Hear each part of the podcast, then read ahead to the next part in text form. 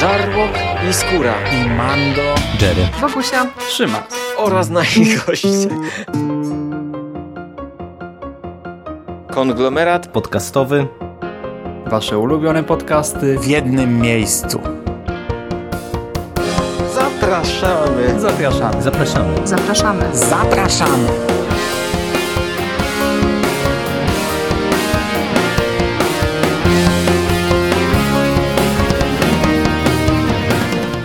Witamy bardzo serdecznie w kolejnym odcinku konglomeratu podcastowego. Dzisiaj jest ze mną Rafał Siciński, SIK.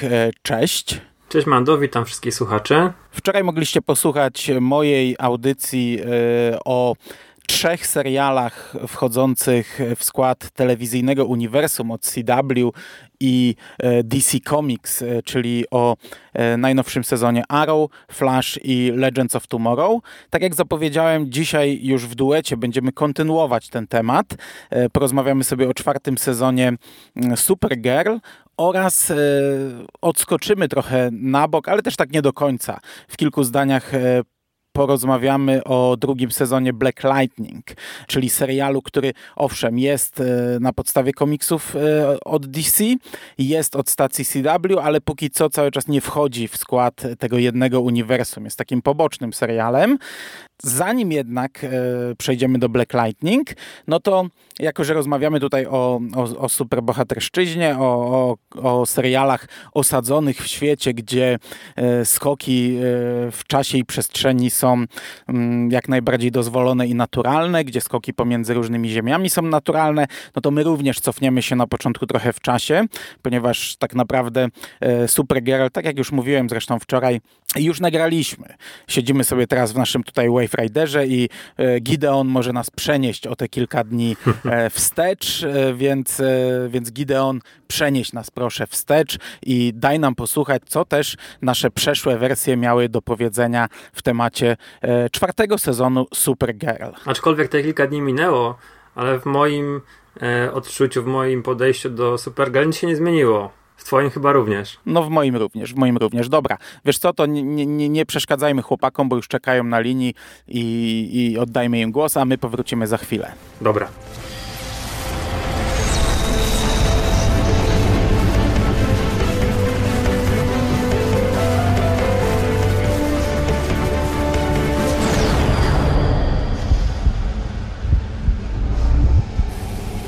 Halo, halo, halo. Halo, halo, halo, słyszysz halo, mnie? słyszę halo. ciebie, tak jest. Witam ciebie bardzo serdecznie, e, Sik, e, w tym tutaj podcaście. Cześć. Cześć. I i witam wszystkich słuchaczy. O, no właśnie, też możesz. I dzisiaj sobie porozmawiamy we dwóch o ostatnim serialu e, z Arrowverse, czyli o Supergirl, a dokładnie o jej... Mm, czwartym sezonie. Tak, czwarty już. Mhm. Czwartym sezonie, tak jest. Czwarty sezon e, był jako jedyny legalnie dostępny na bieżąco w Polsce. Dystrybuował go Netflix, tradycyjnie tam z dwutygodniowym opóźnieniem. E, obaj oglądaliśmy w zasadzie w w taki sam sposób. Ja tam tylko raz przyspieszyłem piracko, żeby dobić do crossovera, a potem również e, oglądałem z tym, z, z, tym lekkim, malutkim opóźnieniem. I dzisiaj w kilku zdaniach na temat tego sezonu. Co nam się podobało, co nam się nie podobało. E, Okej. Okay to krótki zarys taki. Tutaj mi się wcina i w ogóle dopowiadaj ile wlezie, e, bo, bo ja też mam trochę chaos, no bo to jest 20 parę odcinków, jednak minął cały sezon. E, pierwsza połowa skupia się mocno na e, agencie Liberty, czyli Benie Lockwoodzie. Ben Lockwood to jest do pewnego czasu główny przeciwnik tego sezonu. To jest zwykły człowiek bez supermocy, który przeciwstawia się kosmitom, e, uchodźcom kosmicznym, którzy najechali Ziemię. Cały ten sezon bardzo mocno skupia się na tym wątku. E, w pewnym momencie wychodzi na jaw, że pani prezydent jest kosmitką. Podczas ataku ona zamienia się na chwilę w swoją prawdziwą formę i tam w ogóle to, to, to powoduje e, bardzo duże napięcia w Stanach i na świecie, no bo jest to jednak przekroczenie pewnej granicy, złamanie konstytucji Stanów Zjednoczonych i tak dalej. I na początku to się mocno skupia na tej stronie. W roli Bena Lockwooda sam Whitwer. To dla mnie akurat dość duży plus, bo bardzo lubię tego aktora. To jest aktualnie głos Darta Maula, to jest twarz i głos Marka Galena z gry Moc Wyzwolona. Mm, on też grał w Dexterze, miał swoje tam 5 minut, grał w Mgle Darabonta. Bardzo fajny aktor. Okej, okay, no i on jest tym takim, takim typowym Amerykaninem, który wiele traci przez kosmitów. I dla mnie to był w sumie plus tej pierwszej połowy, bo yy, zadziwiające było to, że, znaczy zadziwiające, no ale powiedzmy nie pokazali go jako taką czarno-białą postać. Dostaliśmy całą podbudowę, yy, jak doszło do tego, że on stał się tym pełnym nienawiści agentem Liberty. Yy, w jaki sposób on tracił kolejne rzeczy podczas tam walk kosmitów i to było całkiem spoko, jak dla mnie. Nie wiem, jak ty tę postać, bo, bo ja będę tu gadał, gadał, masz się mi wcinać. Mhm. Więc z Agentem Liberty jest tak, że ja upatruję tutaj w całej tej postaci, jak w ogóle w całym sezonie, trochę odbicia obecnej, a może nieobecnej, ale takich napięć, które są w Stanach Zjednoczonych.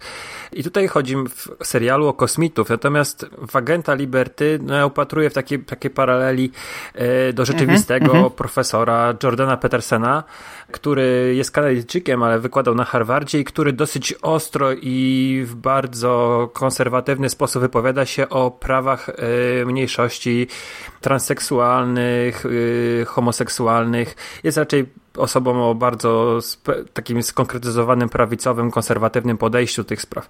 I to jest też facet, który z takiego, wiesz, jakiegoś zwykłego profesora urósł do, do rangi mega gwiazdy. On był w Polsce na wykładach nawet.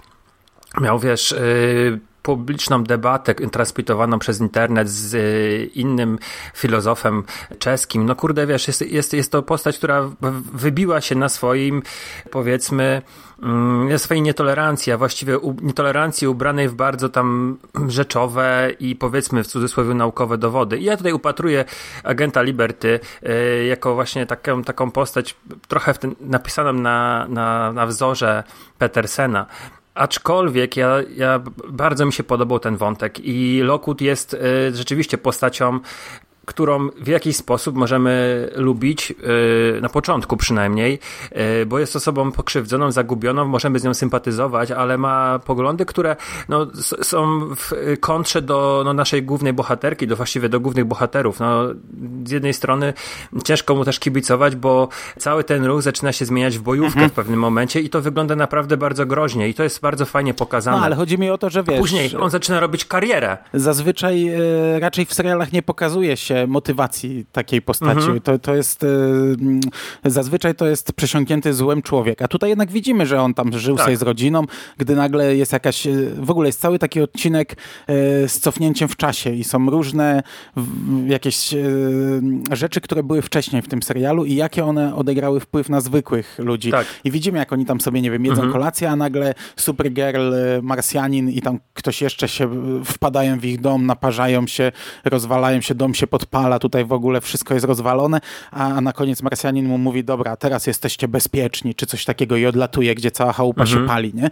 I ta nienawiść w nim y, tak. się rodzi powoli, buzuje to wszystko, tracą ten, ten swój no, interes, interes rodzinny, no, ojca, ta, ta huta, no, tak? To też to tracą jest... i to mm. potem on wykuwa sobie tą maskę metalową właśnie y, agenta Liberty. No ale tak jak mówisz, to zamienia się w agresję, bo on tworzy te swoje bojówki Children of Liberty, y, które zajmują się już normalną taką chuliganką, e, eksterminacją. Oznaczają domy na ulicy, chodzą, biją, e, zabijają i a, a, a, a, ostatecznie przeradza się to w ogóle, on się gubi ostatecznie, no bo e, wstrzy, mhm. zaczyna wstrzykiwać sobie to serum, które wynalazła Lena Luther, czyli w zasadzie staje się superłotrem już takim z mocami.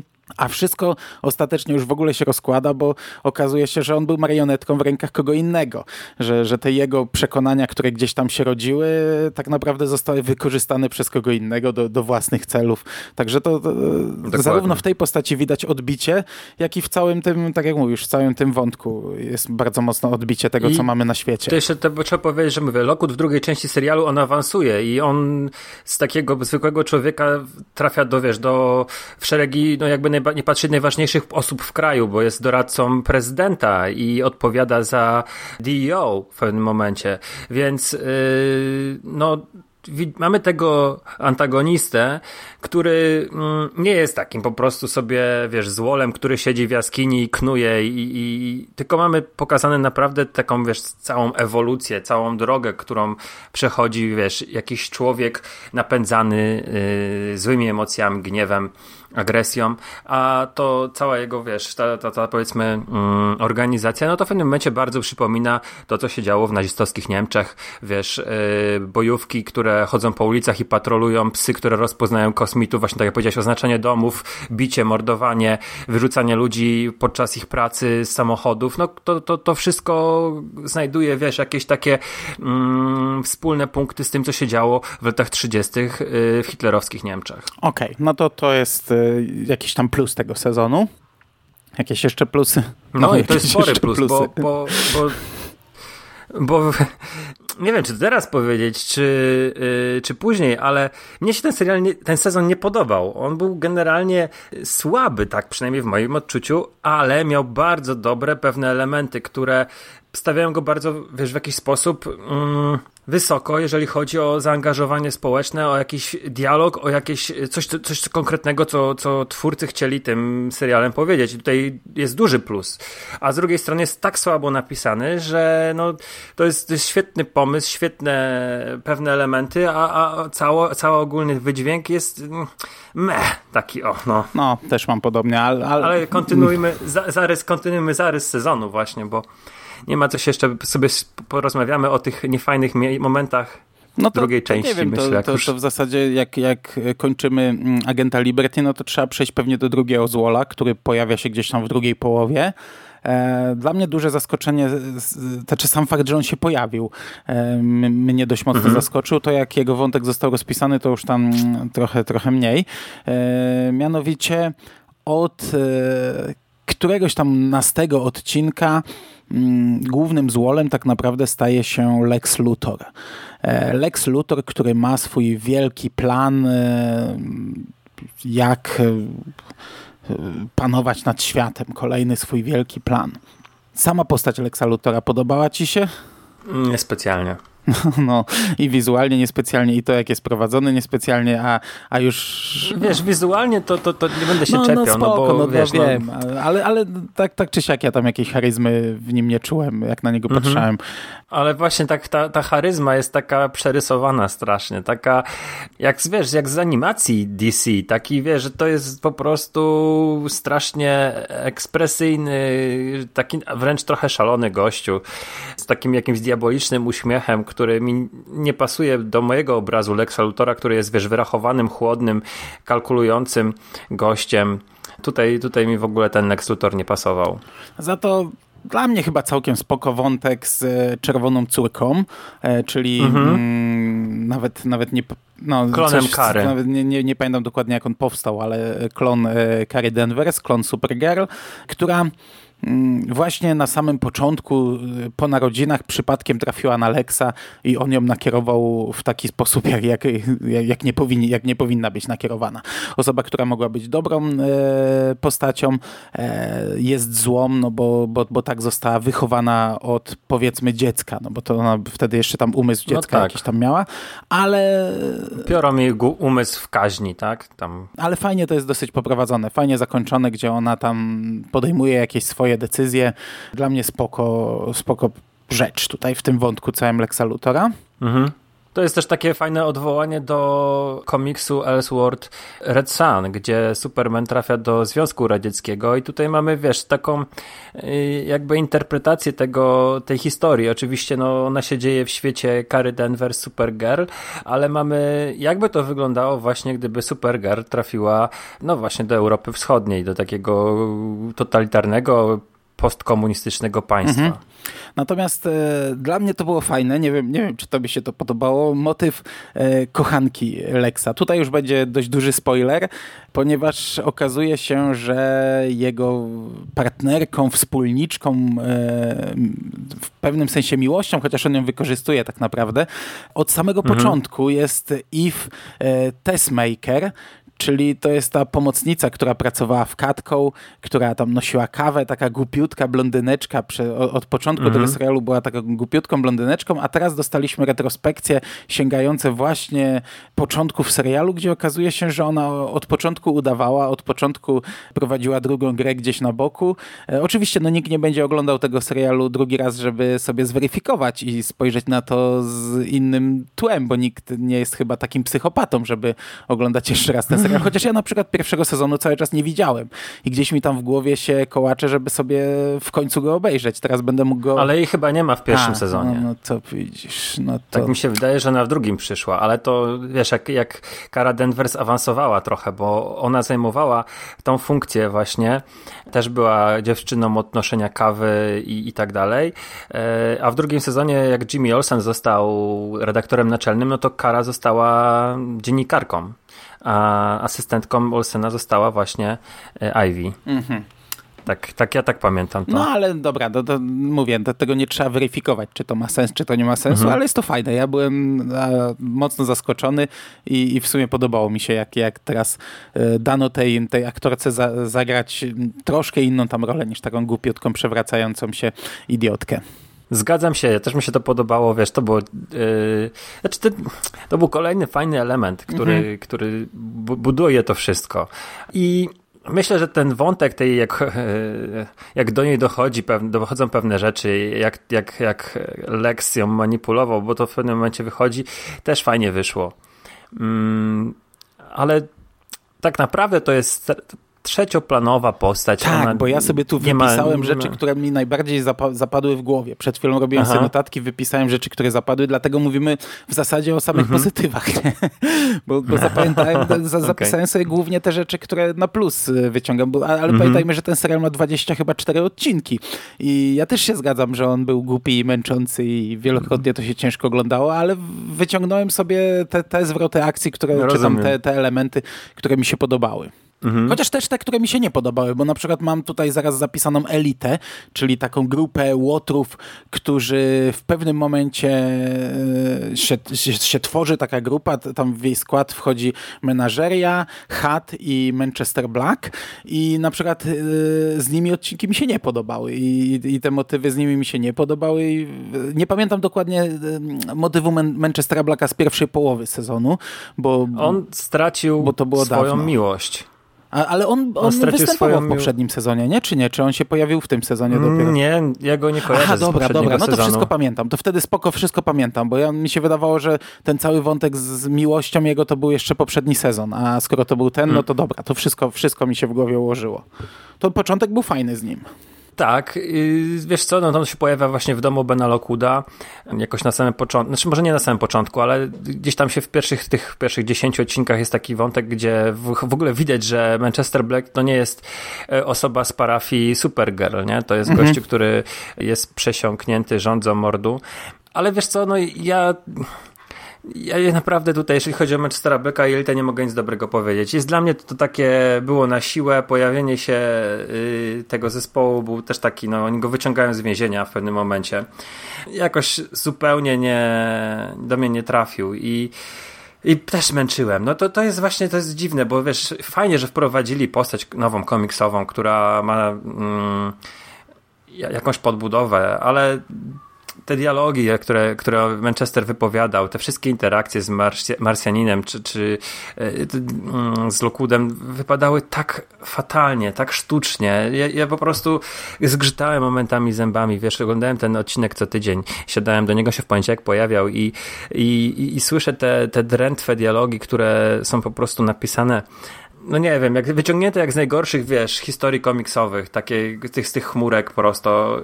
I- No i cieszyłem się w momencie, kiedy ten wątek się skończył, to się bardzo cieszyłem i liczyłem, że trochę będzie lepiej. Jeszcze tutaj bym chciał poruszyć, jeżeli mówimy o plusach, to chciałbym poruszyć postać e, Dreamer, to jest nowa, nowa superbohaterka. Właśnie kasuję ostatnią rzecz ze swoich notatek, więcej nie mam. Aha, Dreamer, okej. Mm, i Dreamer jest nową postacią w Catco, jest nową postacią w grupie superbohaterskiej, jest to transseksualistka i to nie jest takie, wiecie, no słuchacze, yy, że w, Arrowverse na siłę wprowadza postacie homoseksualne i, i teraz transseksualną i to tylko po prostu, żeby były, bo akurat w przypadku Dreamer jej, jej historia ma, ma ciekawe, ciekawe konotacje. Ona urodziła się mężczyzną, zmieniła płeć, a jej matka jest kosmitką, która ma moce mm, jakiejś takiej bardzo mocnej telepatii, telekinezy i jest przepowiednia, że te moce przejdą na jej córkę. No, Dreamer ma siostrę i wszyscy myślą, że te, te, te moce przejdą na jej siostrę, jest w ogóle jadą tam do tego z Karą Denver, jadą do, do jej rodzinnej miejscowości. Są te przygotowania do, do, do uzyskania mocy przez jej siostrę, a się okazuje, że to jednak Dreamer je dostaje. E, dostaje tą moc przewidywania przyszłości w snach E, to takie właśnie było tyle fajne, że no, nikt się nie spodziewał, bo była chłopcem, a, mm, a jednak wiesz, los i, i moce są takie przewrotne, że no, gdzieś tam było to już przewidziane. I ma, to jest ciekawe też wątek romantyczny między nią a Brainiakiem i o tyle to jest ciekawe, że ten Breniak też trochę ewoluuje i oni są takim jakby, mijają się ciągle w swoich uczuciach. Jest to takie pełne niedopowiedzeń.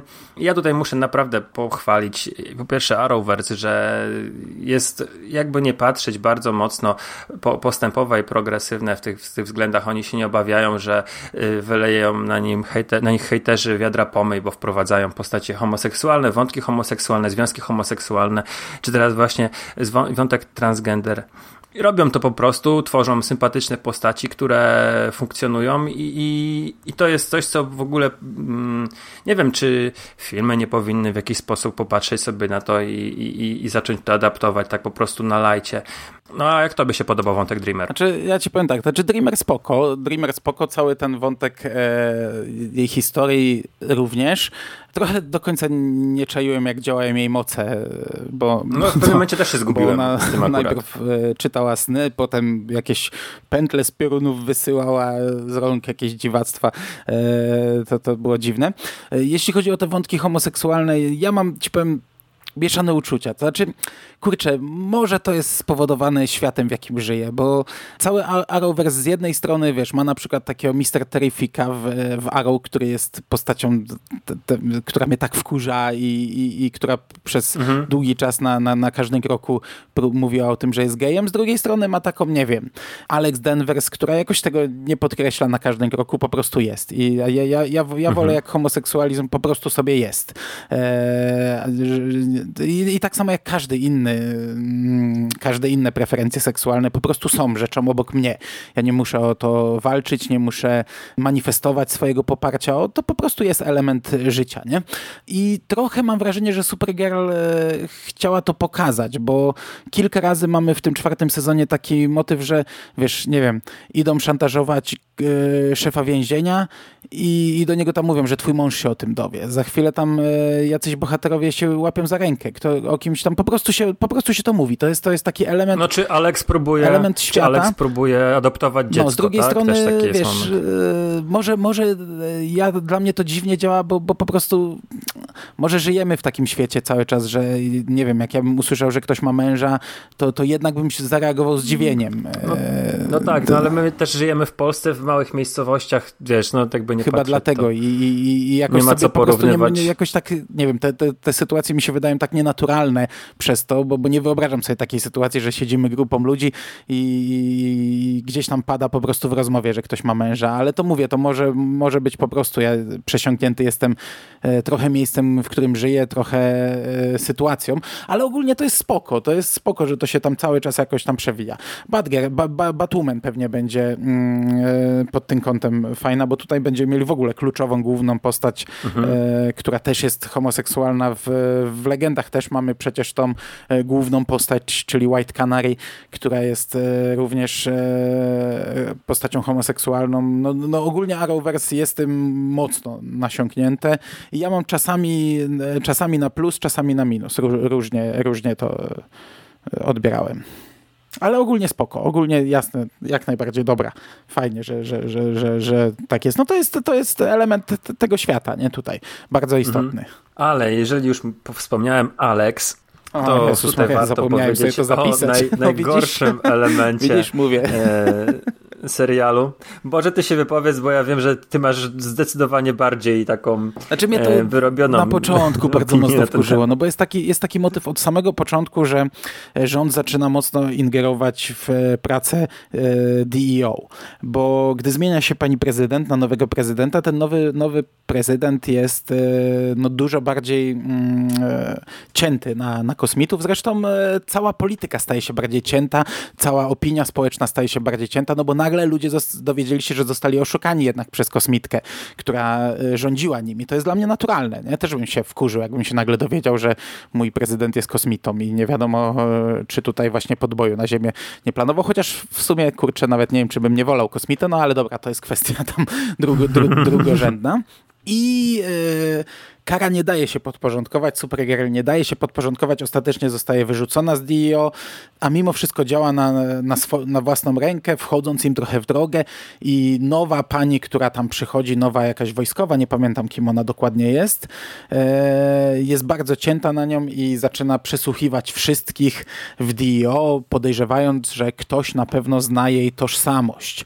No i wtedy wpadają na genialny pomysł, żeby e, Marsjanin e, usunął wszystkim e, pamięć. Ten element pamięci związany e, z karą wszyscy się temu poddają, to oczywiście nie ma większych konsekwencji, ale poddaje się temu również Alex, co już na samym starcie jest, e, jest kretyńskie, no bo ona, oni, oni zresztą do niej mówią, weź opuść Dio, opuść ten statek, to już jest tonący statek. Ona nie, tam musi zostać ktoś, kto ma odpowiednie przekonania, musi zostać ktoś, kto będzie e, trzymał tę te, te ostatnią pochodnię tutaj e, sprawiedliwości, nie? No ale no, no, w mhm. momencie, gdy usuną jej pamięć o karze i wszystkie jej wspomnienia, no to oczywiste, że ona też zmieni swoje, troszeczkę zmieni swoje poglądy. No i, i ostatecznie tak to właśnie funkcjonuje, że ona po usunięciu tej pamięci ma zupełnie inne poglądy i w zasadzie jest to tak bez sensu, że, że, że jej to zrobiono. A, a już y, druga rzecz, że ta zmiana poglądów też jest głupia, bo, no bo to znaczy później to tłumaczą, że te wszystkie wspomnienia związane z karą, które ona miała tak, w głowie, zostają, zostają czymś... Umysł, żeby się no, czy... zatrzymać w całości, to sobie reinterpretuje pewne rzeczy. Czymś zastąpione, no ale kurde, to wydaje mi się, że tak nie działa. No wiesz, jesteś 30-paroletnią osobą, e, twoje przekonania to jest, e, to jest e, wypadkowa, Wypadkowa wielu no. różnych rzeczy, całego twojego życia, całego doświadczenia. I teraz nagle, gdy usuną ci jakieś elementy i je czymś zastąpią, to ty nagle nie, nie, nie zmienisz chyba swoich poglądów z minuty na minutę. To, mnie to tak wkurzało na początku, a ja niestety byłem przekonany, że to będzie eskalować i to do takiego stopnia, że nie wiem, że, że dostaniemy taką ostateczną konfrontację na linii Alex Supergirl, że one tam będą ze sobą walczyć. Na szczęście to nie poszło w tym kierunku i na szczęście im bliżej końcówki, tym Alex zaczęła gdzieś tam sobie y, walczyć z tymi fałszywymi wspomnieniami, ale no absolutnie, kompletnie mi się to nie podobało. Od początku, w ogóle od pomysłu wyjściowego. Pomysł na to jest kretyński i potem ty się musisz męczyć i oglądać głupoty, bo ja nie znoszę w serialach, jak nagle po, wiesz, po iluś sezonach gdy mamy daną postać, ją lubimy jakoś, no ja lubiłem Alex, mamy już wypracowaną mhm. jakąś e, drogę dla niej, nagle w ogóle, tak wiesz, od czapy ciachy i wszystko odwracamy. Nie lubię czegoś takiego w serialu, jak nagle główny bohater zostaje opętany i jest tym złym, albo coś takiego. Nie? No, w tym przypadku kasowanie pamięci. E, to, to, to, to, mi się źle ogląda i to też mi się tu źle oglądało. I patrz, i zapomniałem w notatkach napisać, bo tak jak mówię, wypisałem sobie tylko te rzeczy, które mi się podobały. A to w sumie ważny Ja się zgadzam ze wszystkim, co powiedziałeś w ogóle to. Mm, mimo, że oni to tłumaczą, to tak jak mówisz, to nie, ma, nie miało absolutnie to wymazanie pamięci sensu. Alex stała się postacią, którą też przestałem w pewnym momencie lubić. Po prostu też wiesz. Mm, przeniesiono wątek na Lanę Luthor, właściwie może nie wątek, ale nacisk na Lanę Luthor, która też nie wie, że Kara jest Supergirl i jest, ma bardzo dużo czasu poświęconego. Ja znowu uważam, że ta aktorka, która gra Lanę, nie jest jakąś wybitną mm -hmm. aktorką i męczyłem się. To jest ładna buzia, e, która gra właściwie dwiema minami. I, I strasznie też by bolało to, że wątek sióstr, który był przez trzy sezony bardzo fajnie prowadzony. One były dla siebie wsparciem.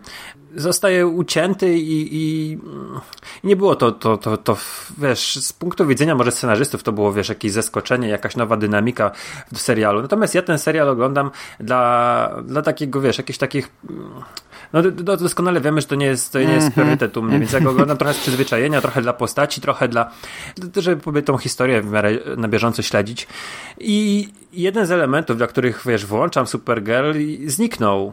Dodatkowo jeszcze i Jimmy Olsen ma naprawdę nudny i niefajny wątek. Przez kilka odcinków on tam umiera i się jego siostra pojawia, miotają się z podawaniem mu jakiegoś serum, które opracowała Lana Luthor. Ten wątek też miłosny między Laną a Jimmy mm -hmm. już moim zdaniem się wyczerpał. Jeszcze wcześniej też on przecież chce robić wywiad z tymi mm -hmm. dziećmi wolności. E, to jeszcze w pierwszej połowie. No, wątek Jimmy'ego jest też taki. On tutaj nie może być tym e, już tym guardianem, e, bo, no bo u, ujawnił się, wiadomo, że to, że to on i, i ma tam jakiś proces, ten proces e, zostaje wygrany w pewnym sensie przez niego, chociaż Lena musiała się tutaj trochę podłożyć i, no, i, i zastąpili to. Teraz już nie mamy Guardianina, tylko jest, jest znów Jimmy Olsen, który, na którego też jakoś szalenie pomysłu nie było. No i mm, trzecia postać, która była, wiesz, wiodąca przez trzy sezony, czyli Marsjanin. Tutaj odchodzi z DEO i zostaje prywatnym detektywem. Ma trochę na początku wspólnych scen z Manchesterem Blackiem, ale tak naprawdę to przez przez większość sezonu to się po prostu miota. On traci swoje moce w pewnym momencie, zostaje mu odebrane. To wszystko jest takie właśnie strasznie niejasne. I ostatecznie, jak sobie myślę o Marsjaninie w tym, w tym sezonie, to, to czuję jeden wielki niesmak, bo naprawdę był tylko takim elementem, wytrychem do wykasowania pamięci Alex, a poza tym tutaj się naprawdę z nim dla fabuły, dla, dla całej historii niewiele działo. No chyba, że masz inaczej nie, to odbierałeś nie, nie, nie, nie, tu się zgadzam, że te wszystkie postaci są, e, są są albo głupie pomysły, albo nie ma pomysłów na te postaci. E, to jak ostatecznie ten serial, bo, bo dla mnie początkowo mówię, oglądało mi się to ok. Im, im dalej w las, tym, tym coraz mi się to gorzej e, sypało. E, końcówka też dla mnie jest głupia, gdzie tam Lex Luthor dochodzi do potęgi w zasadzie i, i lata w tej swojej zbroi niczym Iron Man i, i mamy taki, wiesz... Mm, tak jak narzekaliśmy przy trzecim sezonie Daredevila, że, że Kingpin e, wychodzi, ludzie na niego krzyczą, ty zły Kingpinie, on robi przemowę i ludzie, o tak, brawo, nasz, nasz wspaniały e, Fisk, nie? Ja wtedy mówiłem, mhm. że to jest trochę, kurde, jak wyrwane z Arrowverse. No teraz, e, jak zobaczyłem wątek Lutora, gdzie on tam do Białego Domu ostatecznie trafia, e, to, to nie, to stwierdziłem, że Arrowverse jednak mimo wszystko jest cały czas kilka klas niżej. E, nie podobało mi się to, jak to... W ogóle finał też mi się nie podobał tego serialu i, i chyba ten finał jako jedyny w tym w tym sezonie w Arrowverse nie był też dramatyczny, nie był żadnym wyciskaczem łez. Mhm. Nie dostajemy nic smutnego, bo tak to i Arrow jest e, gorzkim finałem i Flash dostał gorzki finał i Legendy też dość gorzki finał dostały, taki, że tam można by nawet łezkę uronić. E, Supergirl jako jedyna nie. E, natomiast dostaje też dokrętkę wprowadzającą nas w kryzys na nieskończonych ziemiach czyli teraz wszystko zmierza do, do Wielkiego Krosa w następnym sezonie i nie mhm. wiem, jak ty to będziesz oglądał, ograniczając się do jednego serialu. Znaczy, ja ci powiem, że ja się w ogóle zastanawiam bardzo mocno nad e, No wiem, gadaliśmy. Aha, odpuszczeniem. E, super, ale odpuszczeniem Supergirl. no to o tym nie gadaliśmy. I, Gadaliśmy no, o tym, to że znaczy... pykniesz wszystko, nadrobisz kiedyś w przekazie. Nie, nie, odpuszczeniem Supergirl w przyszłym sezonie i po prostu nadrobieniem o, no, po co ja ci przerywam? tego, co mi brakuje. E, po pierwsze jestem zmęczony tym serialem. Ja już poprzednio, jak nagrywaliśmy ten wielki przekaz o serialach DC i Arrowverse, e, mówiłem, że w Supergirl przestało mi się podobać mm, skala, a właściwie ilość kosmitów, jaka jest na Ziemi.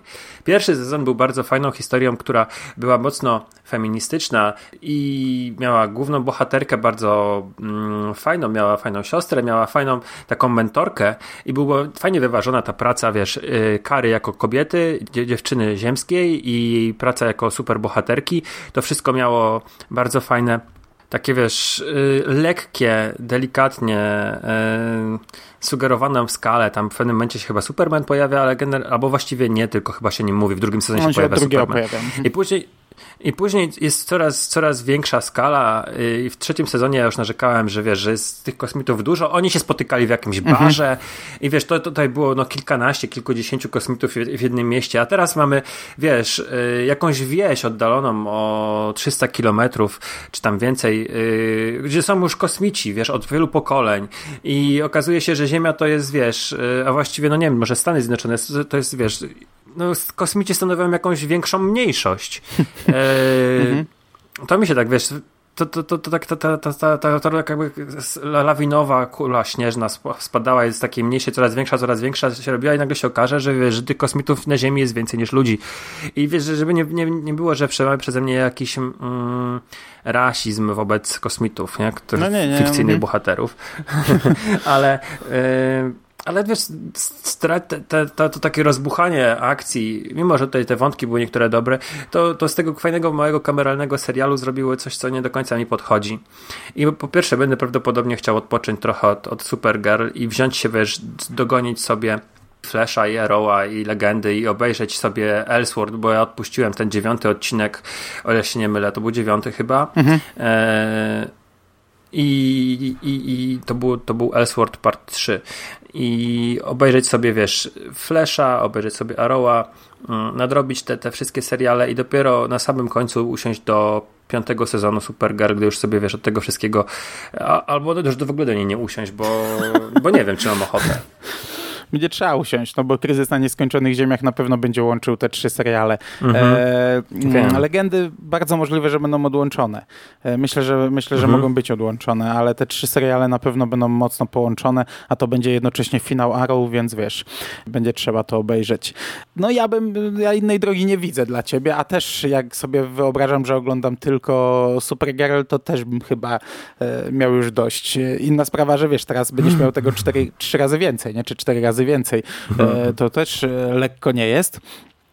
E, no, no to, to co, to, to, to pozostaje twoja decyzja. Masz, masz, trochę czasu, czy chcecie się w tych serialach tyle siedzieć i tyle życia marnować. Tutaj jeszcze warto podkreślić, że w tym roku nie było odcinków świątecznych, chyba w żadnym serialu. Mhm. Zazwyczaj są przed krosem chyba są odcinki świąteczne, albo po krosie świąteczne chyba zawsze były na koniec. Nie było odcinku śpiewanego. Przed przerwą. No w ogóle było też mało, mało tych chyba um, takich mniejszych crossoverów, a przeszkadzało ci, to czy brakowało ci jakoś Wina i Monela?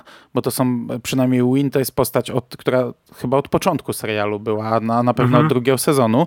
E, Monel też od, od, od drugiego był. sezonu, to ma 40 parę odcinków mhm. na głowie. E, no bo to dwie postaci takie z pierwszego tła, które odeszły w tym roku. Zauważyłeś mhm. ich brak, czy nie? Czy kompletnie? Tak, wiesz co, mamy zamiast e, Willa mamy Brainiaka i mózg jest on w pewnym momencie, kiedy jakby łączy się z tymi wszystkimi dawnymi Brainiakami, tą, tą jakąś tam większą inteligencją pokoleniową, nie wiem jak to było dokładnie nazwane w e, serialu, nie pamiętam, Trochę się zmienia, natomiast ten wątek jego komediowy nie do końca mi pasował. Był taki, wiesz, on jest pisany bardzo specyficznie. On jest pisany jako osoba, która jest trochę jak Drax, nie rozumie ironii, nie rozumie mhm. przysłów, nie, nie, wszystko bardzo interpretuje dosłownie. Więc wiesz, jeżeli oglądasz y, siódmy odcinek, gdzie jest dokładnie ten sam żart z nim, no.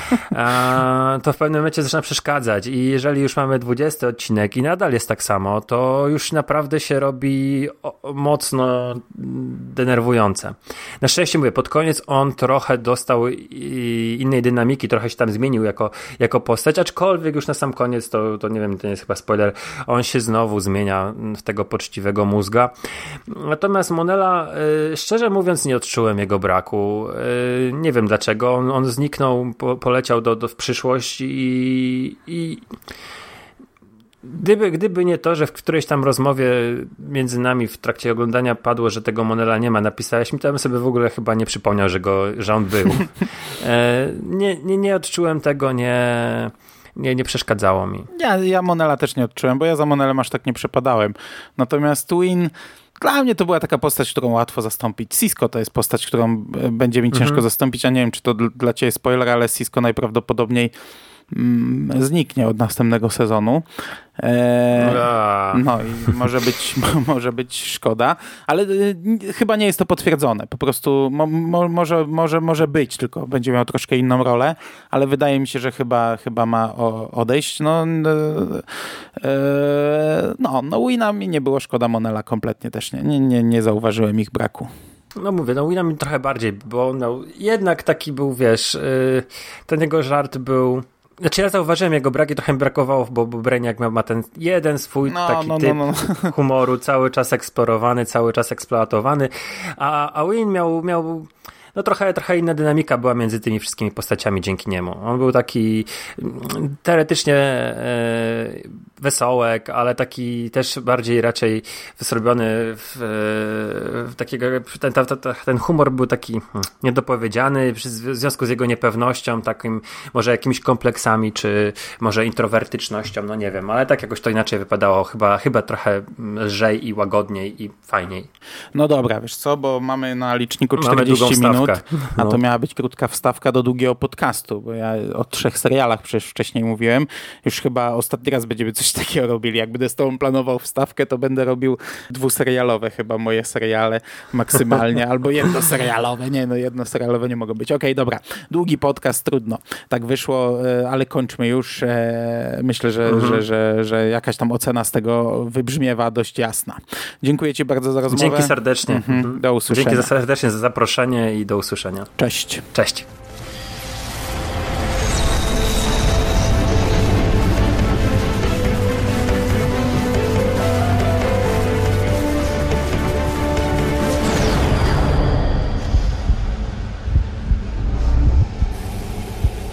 Okej, okay, no to my tutaj jeszcze raz witamy się z wami już z teraźniejszości. Cześć Mando. I tak jak no a cześć, cześć, cześć tutaj Sik i witamy słuchaczy po raz trzeci już dzisiaj.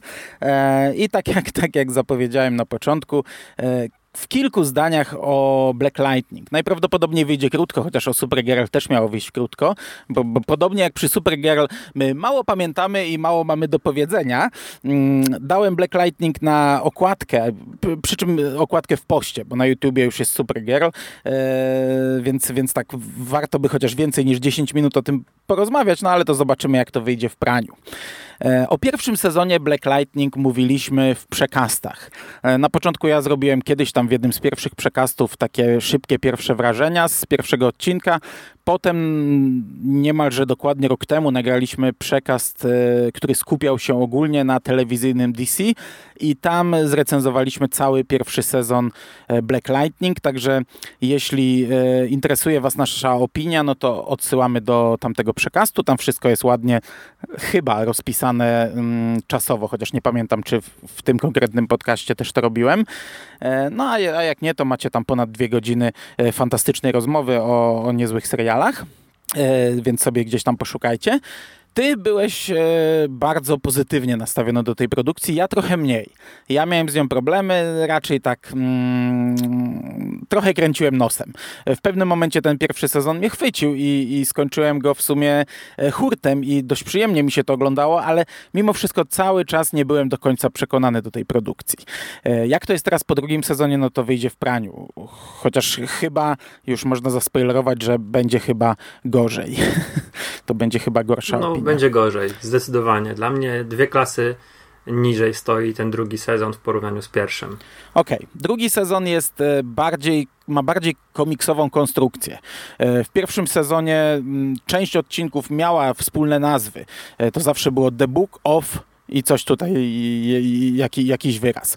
E, przy czym w pierwszym sezonie to było tak trochę chaotycznie jeszcze. Niektóre odcinki miały e, księgę jakąś, niektóre nie miały, niektóre miały mm, najpierw jakiś tytuł i, i taki podtytuł, e, to znaczy drugi człon tytułu, księga czegoś.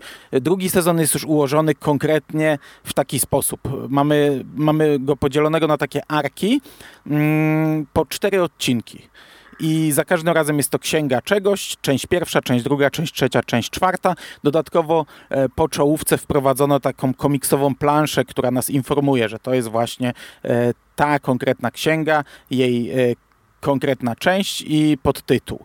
Także tutaj to, zrobiono trochę spójniej. Black Lightning to historia superbohatera starszego, który kiedyś był tym właśnie Black Lightningiem, potem na ileś lat przestał nim być, teraz jest już starszym facetem, dyrektorem szkoły i znów powraca w swoim kostiumie i te echa z przeszłości wracają. Okazuje się, dowiadujemy się z pierwszego sezonu o eksperymentach na dzieciach.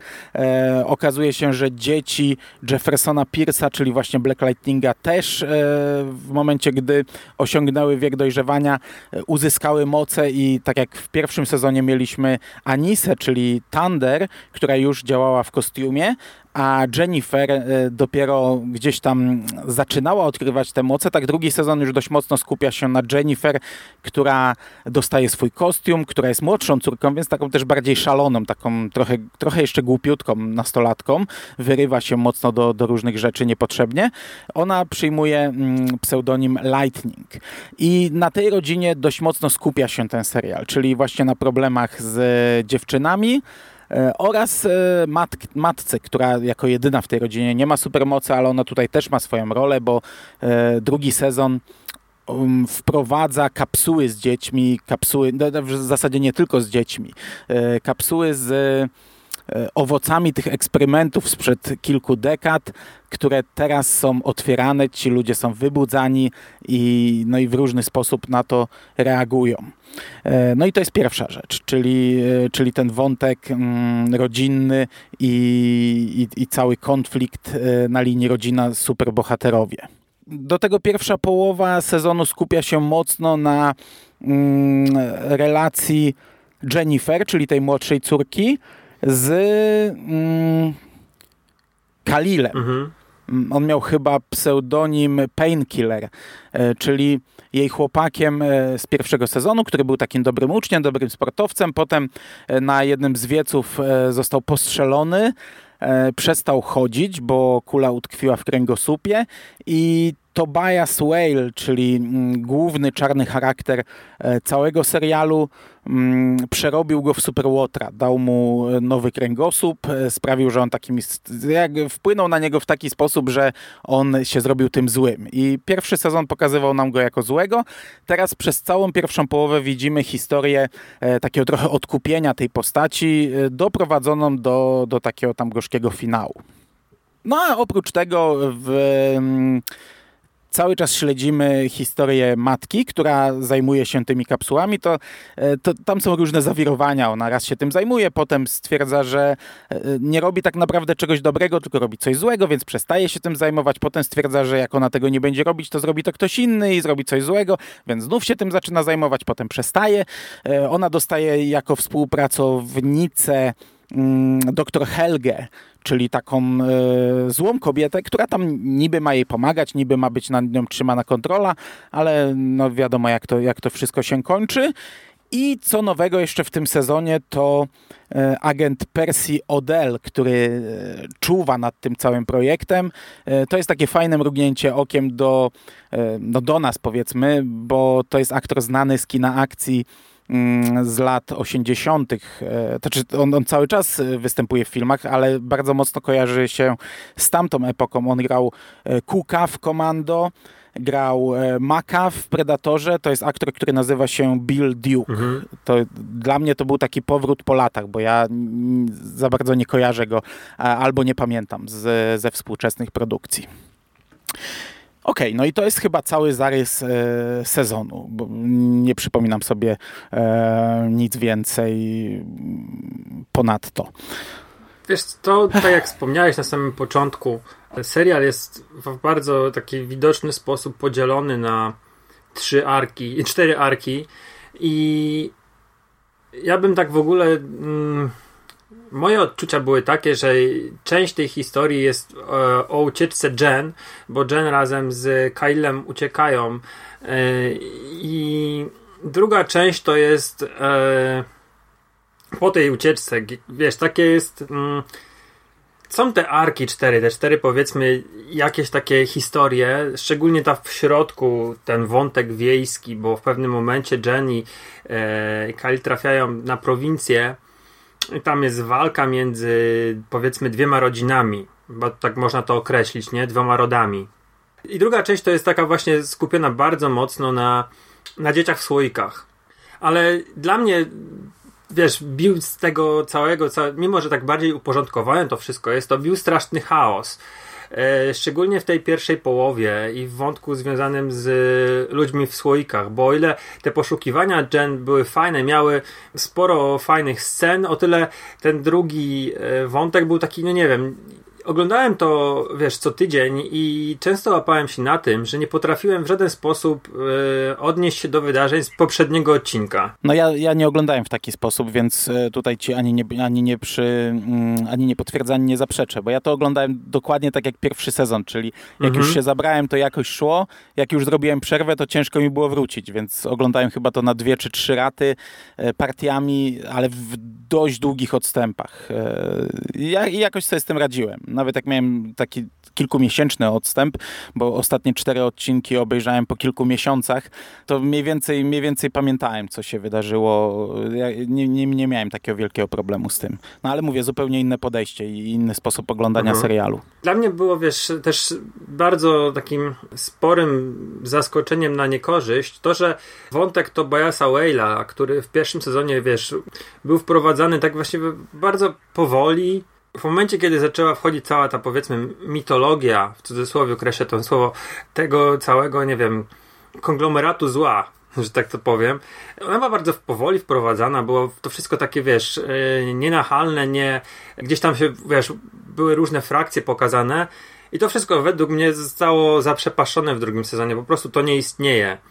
Nie wiem, czy po prostu może moja pamięć w tej chwili szwankuje, ale yy, wydawało mi się ten cały wątek złych w pierwszym sezonie jakąś taką no, fajną podbudowę i zapowiada się na coś zdecydowanie większego, a to wszystko zostało zaprzepaszczone i na pierwszy plan wychodzi właśnie Billy Duke i jego tam rządowa agencja i te wszystkie perypetie z wykradaniem walizki z jakimiś kodami. To, to wszystko było strasznie... Mm, no nie wiem, spłycone mówię. Dla Tobias Wave w, w tym odcinku stał się gościem, który po prostu chciał mieć super ludzi ze słoików.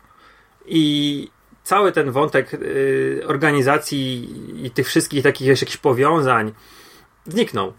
No ja może z tym aż takiego problemu nie mam. Ja mam bardziej mm, chyba z głównym wątkiem, bo znaczy to też jest główny wątek, ale ja pamiętam jak obejrzałem pierwszy odcinek, to podkreślałem to dość mocno, że e, widać, że to jest o kilka klas e, serial lepszy od e, takiego, wiesz, typowego, typowego arrowowego serialu. Mówiłem o tym, że nawet sobie nie wyobrażam na, na tym etapie, żeby nagle mi się tutaj Barry Allen pojawił, czy Oliver Queen nagle by przyszedł i powiedział, cześć, tutaj Jefferson, co u ciebie, idziemy e, razem ratować świat. Później to mi się wyrównało. Ja w tym momencie już mhm. nie widzę różnicy. W tym momencie kompletnie by mi się to nie gryzło, jakby te seriale się połączyły. E, pierwszy odcinek e, tego serialu był taki, po pierwsze bardziej zaangażowany, poważniejszy, pokazywał trochę inną superbohaterszczyznę dorosłego, poważnego człowieka. Potem to wszystko się zrobiło taką trochę napieprzanką, taką trochę głupawką i ja już teraz totalnie widzę, że CW może to połączyć. Poza tym, wiesz, te perypetie rodzinne, no, no dobra, e, Jefferson jako dyrektor, tutaj to też jest e, taki wątek e, dość, dość, dość ważny w tym sezonie, bo on traci te, te funkcje, zostaje nauczycielem zwykłym, uczniowie tam go wspierają, jest jakiś konflikt na linii, uczniowie, Jefferson i nowy dyrektor, który w sumie nawet w dość nieszablonowy sposób zostaje na chwilę obecną zakończony, ale całe te perypetie rodziny, rodzinne mnie trochę męczą. Już, ale to już w pierwszym sezonie mnie męczyło. Ta, ta, ta młodsza córka, no, no, no ja wiem, że tak się zachowuje nastolatka w tym wieku pewnie i ja wiem, że będę miał te same problemy w życiu pewnie. Znaczy może nie te same, bo e, Bogna pewnie nie będzie miała Twoja super... córka nie rozwali samochodów na no, supermocy nie będzie miała pewnie, chociaż kto wie, może zobaczymy. Wtedy będę takim e, Peterem Gambi m, mm, dla niej. Mm, e, będę, będę jej szył kostium, ale dla mnie to jest takie i, i, i, i, w tym sezonie to się dalej ciągnie. Każda z tych córek ma swoje problemy, ta starsza może trochę ciekawsze. E, tutaj ten wątek miłosny z nową postacią, ta młodsza niby też ma coś fajnego, bo wiesz, no ten, ten, ten motyw Kalila y, jest fajny, jest ciekawy, jest całkiem dobrze poprowadzony do końca, całkiem dobrze skończony, e, ale mimo wszystko to zachowanie córki, te, te, te problemy z młodą nastolatką mnie tak trochę, ach, trochę mnie męczyły jako starszego już odbiorcę. No zgadzam się. Rzeczywiście ten wątek rodzinny poszedł w taką bardzo. Znaczy, on jest dla mnie lepszy, to, to szukanie Jen, bo tam w pewnym momencie, tak jak powiedziałem, ona ucieka. O tyle te wszystkie relacje są takie, nie wiem, wymuszone. Tak samo wątek Anisy, która e, wiąże się z dziewczyną, która ma też jakieś supermoce i ona znika i angażuje w to Gambiego, w poszukiwanie tej dziewczyny. To wszystko takie jest, nie wiem, bardziej przypomina mi serial dramatyczny niż superbohaterski. To znaczy, to, to, to, to nawet nie chodzi o że wysokiej klasy serial dramatyczny, tylko taką telenowelę, nie? Że wiesz, że to, to wszystko jest takie... No tak, tak, no oni chcą to w ten sposób pewnie połączyć, żebyśmy mieli i dramat rodzinny i superbohaterszczyznę, przy czym ta superbohaterszczyzna tutaj jest... Yy, taka bardzo jaskrawa, bardzo taka tandetno-komiksowa. Mhm. Ja na to, na to też już zwracałem uwagę nieraz i, i to wiesz, z jednej strony masz problemy, te, te dramaty telenowelowe, za chwilę wskakują w te swoje kostiumy, które są e, aż karykaturalnie prze, przejaskrawione e, i widzimy jakieś tam, nie wiem, walki z jakimiś e, dziwnymi łotrami. E, nie wiem. Aczkolwiek no... te kostiumy się dobrze prezentują, jak szczególnie w takich, takich, wiesz, tam jest całkiem sporo walk w nocy i w ciemnych pomieszczeniach, więc te świecące, wiesz, elementy, emblematy Black Lightninga, czy na przykład to, jak jego moc działa, on się unosi na przykład i oświetla jedną ręką pomieszczenia, to naprawdę fajnie wygląda i jeżeli chodzi o taką stronę estetyczną, to ten serial stoi na bardzo fajnym poziomie. Yy, tak samo jeżeli chodzi o walki Anisy, Thunder, ona jest taką, moc trochę jak śmiałem, że jest lepszym Luke'em Cage'em niż Luke Cage i ma chyba w pierwszym albo drugim odcinku bardzo fajną scenę, gdzie wbija się do kryjówki jakiegoś gangu i mhm, ich mhm. rozwala. No bo ona na początku, na początku chce tą jakąś tak ma ten problem, jaką drogą mhm. superbohatera iść i ona zostaje takim trochę... Yy zostaje takim samozwańczym mścicielem i ona wtedy e, zaczyna chodzić w tym, w tym ciemnym stroju, w kapturze, w masce na twarzy, wbija się do różnych przestępców, e, bije się z nimi, nokautuje ich i, i tak naprawdę kradnie im pieniądze gdzieś tam z handlu bronią czy narkotykami i te pieniądze przekazuje na jakieś szczytne cele, czyli jest, staje się takim Robin Hoodem. To jest spoko, to jest fajny motyw, zgadzam się. I, i to też jest fajnie pokazane, mhm. te, te walki są całkiem niezłe, z tego co pamiętam. I, a z drugiej strony strony masz ten, ten stronę audio, która a, jest dla mnie była tak męcząca, wiesz, takie dziwne covery, na przykład Fugees było i w ogóle fatalna muzyka była podczas walk. I wiesz, strasznie... Tak, ja myślałem, że tu się nie będziemy zgadzać. Myślałem, że ty będziesz to chwalił, bo dla mnie to jest jeden z większych minusów tego serialu, e, to strona audio. Właśnie mamy trochę taką trochę taką podróbę Luka Cage'a.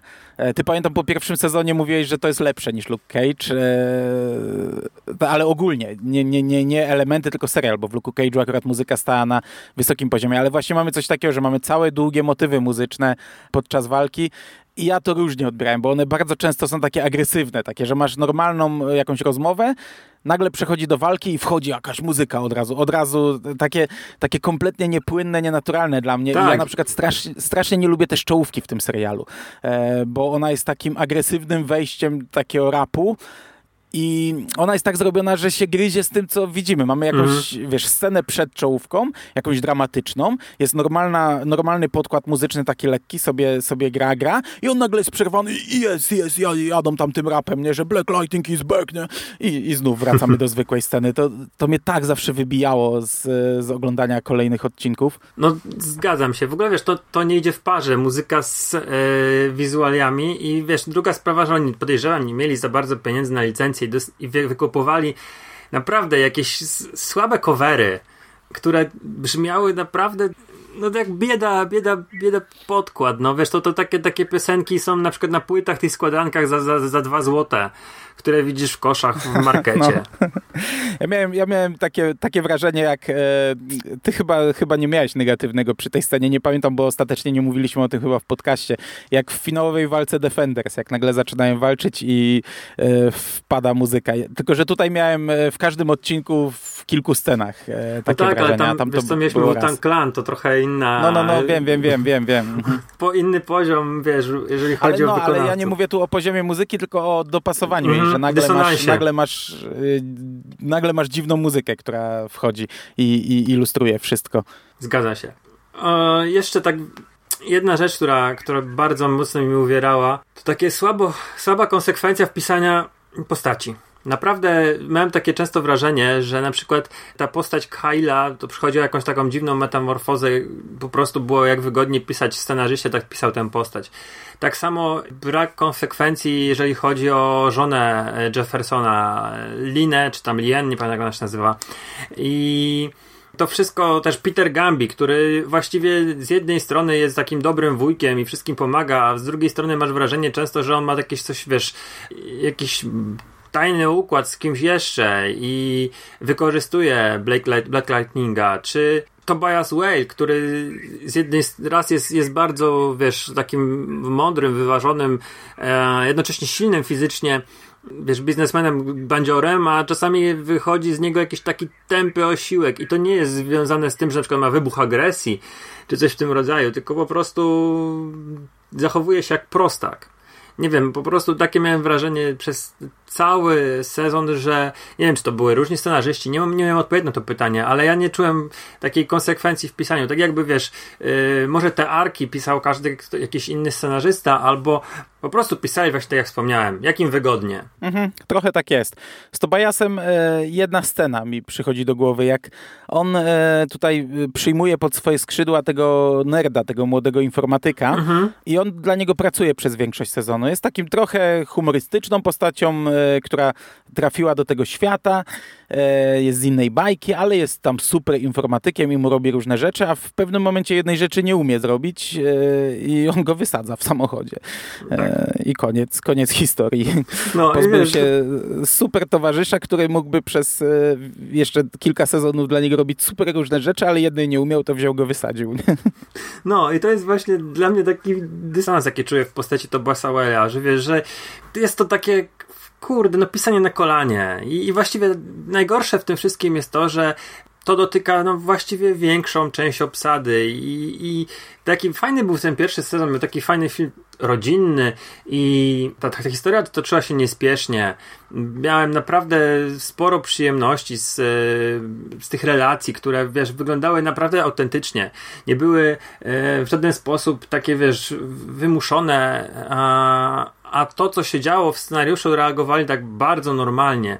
I to był duży kontrast, wiesz, jeżeli chodzi, spojrzymy na inne produkcje CW, które często mają bardzo przejaskrawione re, re, reakcje bohaterów, że wiesz, że coś się dzieje i oni są szczęśliwi, coś się dzieje i oni stwierdzają, nie, muszę to zmienić, bo, bo to przez to wszystko się psuje i wiesz, i, i takie często Oliver tak reaguje, że na przykład, wiesz, rezygnuje z miłości, albo rezygnuje z przyjaźni, albo uziemia swoich kompanów, albo Flash, który stwierdza, że jest zagrożeniem dla wszystkich. No takie, takie, tam wszystko się trzymało kupy i nagle to wszystko znika i masz tych takich identycznych bohaterów jak w, da- w Arrowverse, że po prostu reagują na, na zagrożenie, wiesz, tak w taki sposób bardzo, nie wiem, nieprzemyślany i, i stawiają wszystko na, na głowie. No, no nie wiem, to, ten serial się mocno zmienił, przynajmniej dla mnie, jeżeli chodzi o to porównanie pierwszego i drugiego sezonu. No ten pierwszy sezon był spójniejszy i wolniejszy, bo ja na to zwracałem uwagę i wtedy jeszcze nie do końca miałem sprecyzowane, czy to jest dla mnie plus czy minus, bo z jednej strony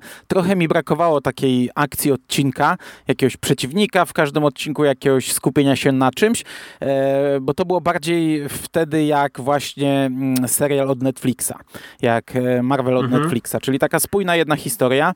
E, teraz jest trochę chaotyczniej pod tym względem. Na przykład na końcu masz, w końcówce masz nagle jeden odcinek, nie pamiętam jak się ta postać nazywa, ten co już kilka razy umarł i teraz ma tatuaże na sobie. Mhm. Nie, Lala. Taki bandzior. Lala, o. E, I on jest w ogóle nagle wrzucony w środek i nagle masz cały odcinek o Lali i o jego przeszłości. E, Cały odcinek taki, że oni siedzą w e, szkole, on trzyma Jeffersona na muszce i chce go zabić i odkrywają przyszłość Lali. To jest spoko odcinek, dobra, fajnie to się ogląda, ale e, w tym sezonie wcześniej nie było nic o Lali, o ile ja dobrze pamiętam, a nagle on wyskakuje jak, jak taki Filip z Konopi. Tak, to jest chyba przypomnienie e, tego mistycznego wątku z pierwszego sezonu, bo on był przecież wskrzeszony w jakiś taki dziwny, nienaturalny sposób. Jeszcze jedna rzecz, która jestem ciekawy Twojej opinii, bo wspomniałem o tym w trakcie podcastu. To ten wątek wiejski w środku sezonu. Jak go w ogóle odebrałeś? Dla mnie to był totalny filler, w ogóle niepotrzebna rzecz, która była taką na siłę rozbudową tych wszystkich metamocy, ludzi, ludzi z metamocami. O. Wiesz co, ja celowo się nie odzywałem w momencie, jak o tym mówiłeś, bo to było w pierwszej połowie sezonu troszkę, to średnio pamiętam. Teraz mi się trochę bardziej przypomina ten odcinek, to, to ta cała ucieczka i ktoś tam e, ich śledził i oni jakoś tam przez ciepło czy przez coś ich e, namierzyli w końcu, ale kompletnie nie pamiętam swoich odczuć, także tutaj cię nie usatysfakcjonuje, czy, czy, czy okay, to było dobre, okay. czy nie. Wierzę na słowo. Bo ja to, to widziałem kilka miesięcy temu, ten fragment. I, mm, I byłem właśnie takie pierwsze bardzo silne rozczarowanie to było właśnie związane z tym wątkiem i generalnie wiesz, jeszcze bardzo denerwował mnie ten chłopak z dreadami, Kyle, e, w, tej, w tym, on był chyba najgorzej napisany tak naprawdę. Naprawdę, o, jeżeli chodzi o tą, ten duet e, Anisa i, nie Anisa, tylko Jennifer i Kyle, no to Jennifer jest taką stałą, Konstans, to jest zbuntowana nastolatka, trochę właśnie taka krnąbrna i mhm. w jakiś tam sposób... Może wkurzać, ale jest stała, no. No, nawet często się sprzeciwia tylko dla samego sprzeciwienia się. Natomiast Kyle mhm, albo chce coś zrobić, bo po prostu chce coś zrobić, bo jest sposób, młodą gówniarą. Ale to tak, to, ale to już wiesz, to już w pierwszym sezonie trochę tak było, nie? Na fakt, że tam było bardziej umotywowane to, dlaczego on taką zmianę przeszedł z takiego dobrego na takiego złego. E, a w drugim, no to, no to, to faktycznie to znów przechodzi zmianę i no... Dobra, chyba więcej nie ma co dukać o tym serialu, bo nie jest to po pierwsze produkcja warta czasu naszego i słuchaczy, a po drugie już chyba więcej nie mamy w pamięci. A taki drobiazg, taka ciekawostka na sam koniec, już tam y, faktycznie, już, już będziemy kończyć ten podcast. W momencie, gdy budzą y, tych y, złoczyńców z tych probówek, z tych, z tych słoików. słoików, to jed, jedna z nich, jedna, ja, sobie tam pauzowałem, bo tam są na, na ekranie pojawiają się pseudonimy E, postaci i ich moce. Jedna z nich ma moc pirokinezy. I ja sobie zaraz zacząłem googlować i się okazuje, że faktycznie w DC jest e, taka bohaterka, która ma e, postać pirokinezy. To jest o tyle zabawne, bo z tego co ja się orientuję, słowo pirokineza wymyślił Stephen King. Takie słowo nie istnieje. Mhm. On, go wymy on wymyślił to słowo w podpalaczce i znaczy nie wiem na ile to jest prawda, bo, bo wiesz, to słowo jest naturalne, normalnie w, w moim słowniku. Może nie na co dzień używane, bo nie spotykam takich ludzi, ale e, pamiętam w serialu Fringe o tym mówili, jak ktoś tam powiedział, że e, ktoś ma moc pirokinezy, to jeden z bohaterów mówił, że nie ma takiej mocy i nie ma takiego słowa, że to King to wymyślił. Teraz ostatnio wyszła ta książka Ziembińskiego, on też tam jako ciekawostkę podał, że słowo pirokineza zostało wymyślone przez Kinga. E, no to tylko taka, jako taka ciekawostka się uśmiechnąłem, że fajnie. Że... To jeszcze jedna ciekawostka ode mnie a propos Billego Duka. Oglądaliśmy niedawno razem taki film X-Men Ostatni Bastion i Billy Duke grał tam doktora Bolivara Traska.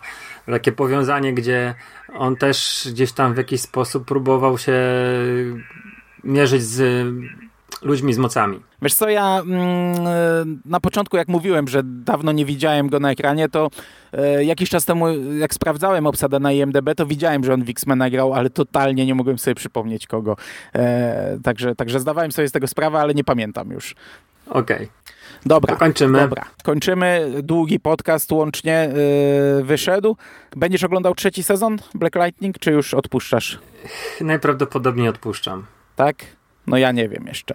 E, zobaczę. Jak, jak, pewnie jak będę miał czas. E, to, to, jest, to, to, to niestety nie jest w paczce udostępniane, tylko jeden odcinek tygodniowo. Możliwe, że jak już cały trzeci udostępniam, a będę miał gdzieś tam chwilę, to możliwe, że sobie usiądę do niego, ale nie jest to u mnie priorytet. Szczególnie, że teraz e, wejdą nowe DC, wejdzie przecież Stargirl, wejdzie Bat, Batwoman, także będzie Dokładnie. co oglądać. Do, jak będę raczej, jeżeli coś eliminował, no to wchodzi też, wiesz, seriale wchodzą Disney+, Plus, nie? E, no, no to to Marvel z kolei, ale z samego DC przynajmniej dwa mhm. jeszcze nowe superbohaterskie wejdą.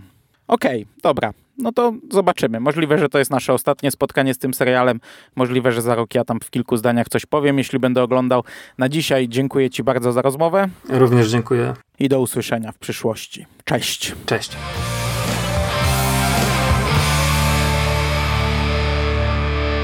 You finished? That's it, man. Game over, man. It's game over. What the fuck are we gonna do now? What are we gonna do? It's over. Nothing is over. Nothing. You just don't turn it off.